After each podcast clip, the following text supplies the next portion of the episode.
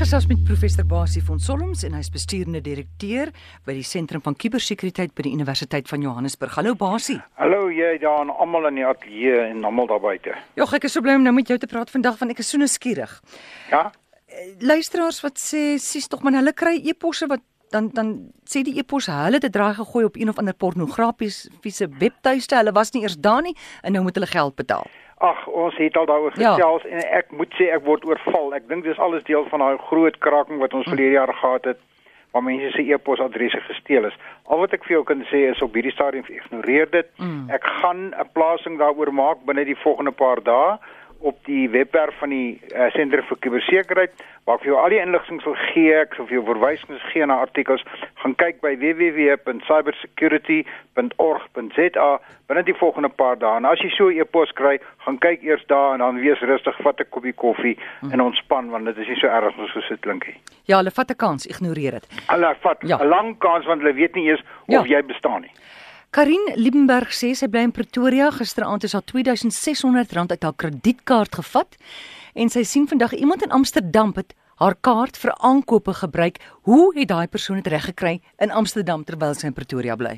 O, oh, daaroor het ons ook al gepraat, maar dit is 'n rukkie gelede. Mm. Ehm um, die as mens kyk na die statistieke oor kredietkaartbedrog, dan is die meeste gevalle daarvan waar die kaart nie teenwoordig is nie. Nou, as jy byvoorbeeld 'n 'n vliegtuigkaartjie wil bespreek en jy wil met jou kredietkaart betaal, dan weet die vliegtuigkaartjie plek of die maatskappy aan die ander kant nie, hy het nie jou kredietkaart nie. So jy kan ook nie jou pinnommer insit nie as as jy jou pinnommer het.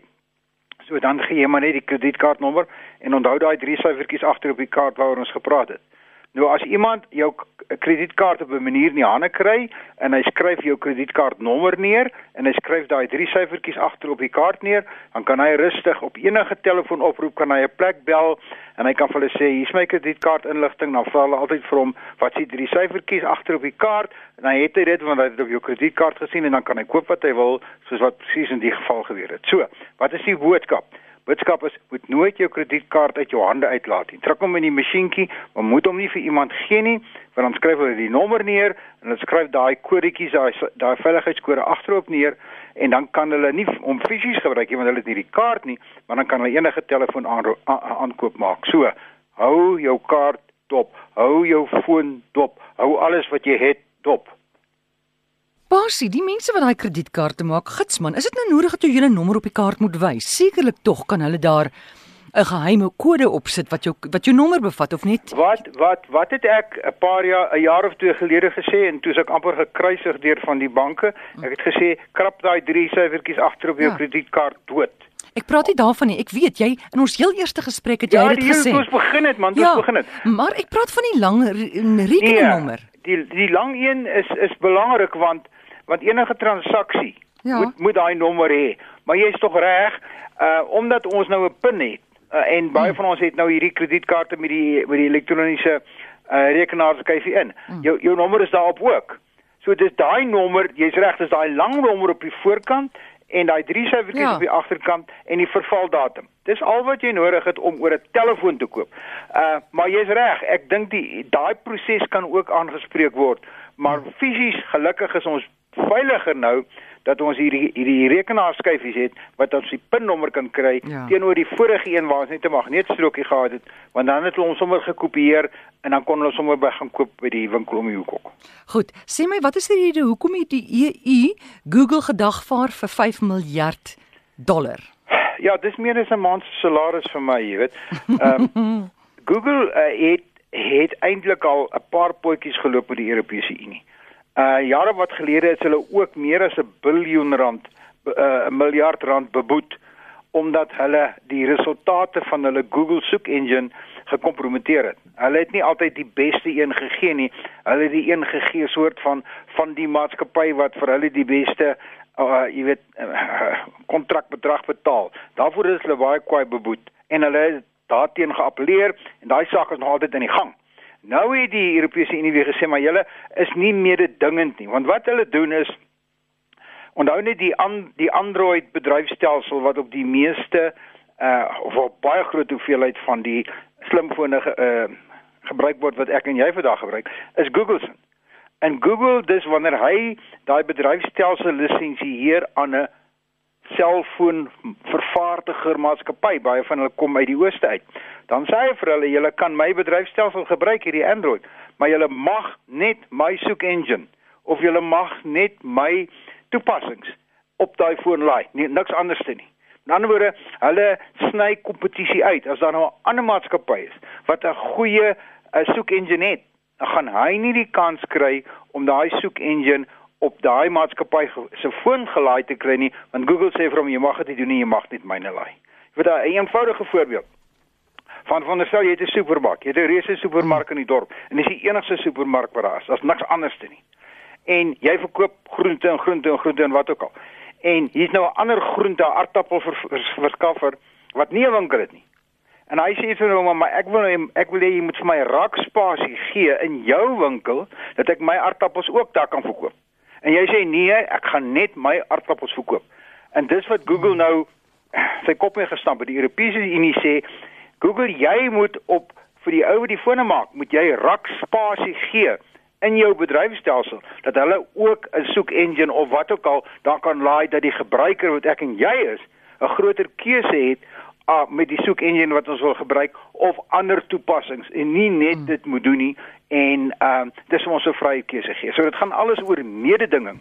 Maar Google het al gesê hulle gaan daartoe appeleer. So dit is weer die ouens wat gaan ryk word hier uit is die prokureurs en die regsgelei, maar dis dis 'n teken daarvan dat as jy te monopolisties is en jy's te sterk, dan kan jy maak wat jy wil en daarom moet ons ook in Suid-Afrika mededingingswette waaroor ons ook al 'n paar keer gesien het. Jy weet jy kan nie uh, besluit jy sien nou wat brood verkoop. Jy moet ouens kans gee om ook uit jou winkel uit ander brode te verkoop. Goed, hier's 'n brief van Philip. Hy sê hy het aanlyn aansoek gedoen vir sy jaglisensie.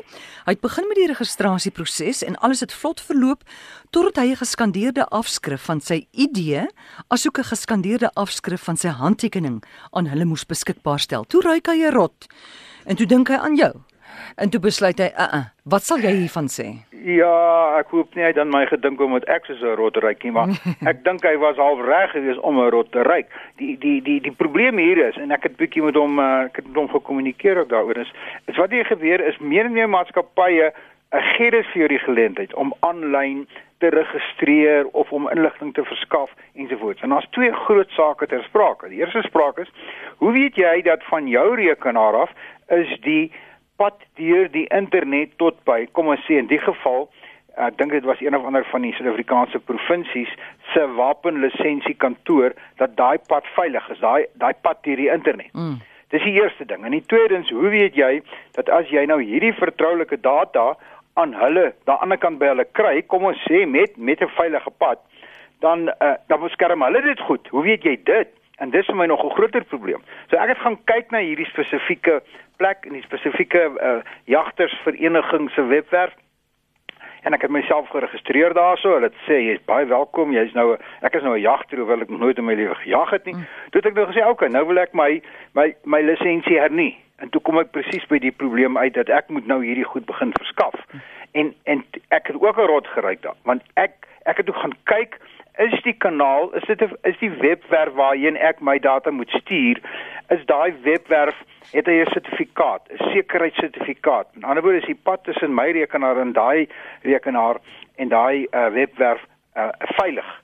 En ek het toe ondersoek en teruggegaan en gaan kyk na die sertifikaat. Ja, hy is veilig, maar die maatskappy wat die sertifikaat uitreik, met ander woorde die ou wat verseker dat die pad veilig is, is nie een van die bekende sertifiseringsmaatskappye wat byvoorbeeld die banke gebruik nie. Nou ek sê nie daardie reis meer onveilig nie, maar dit was net vir my interessant. Maar die pad is veilig.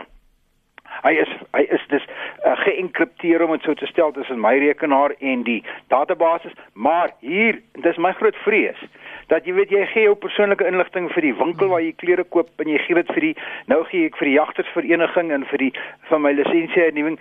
Jy weet nie hoe veilig en hoe goed beskerm hulle jou data nie. En dis daar waar die krisis kom want ah, as hulle nie goeie sekuriteite toepas op hulle databasis nie, dan lê al jou inligting.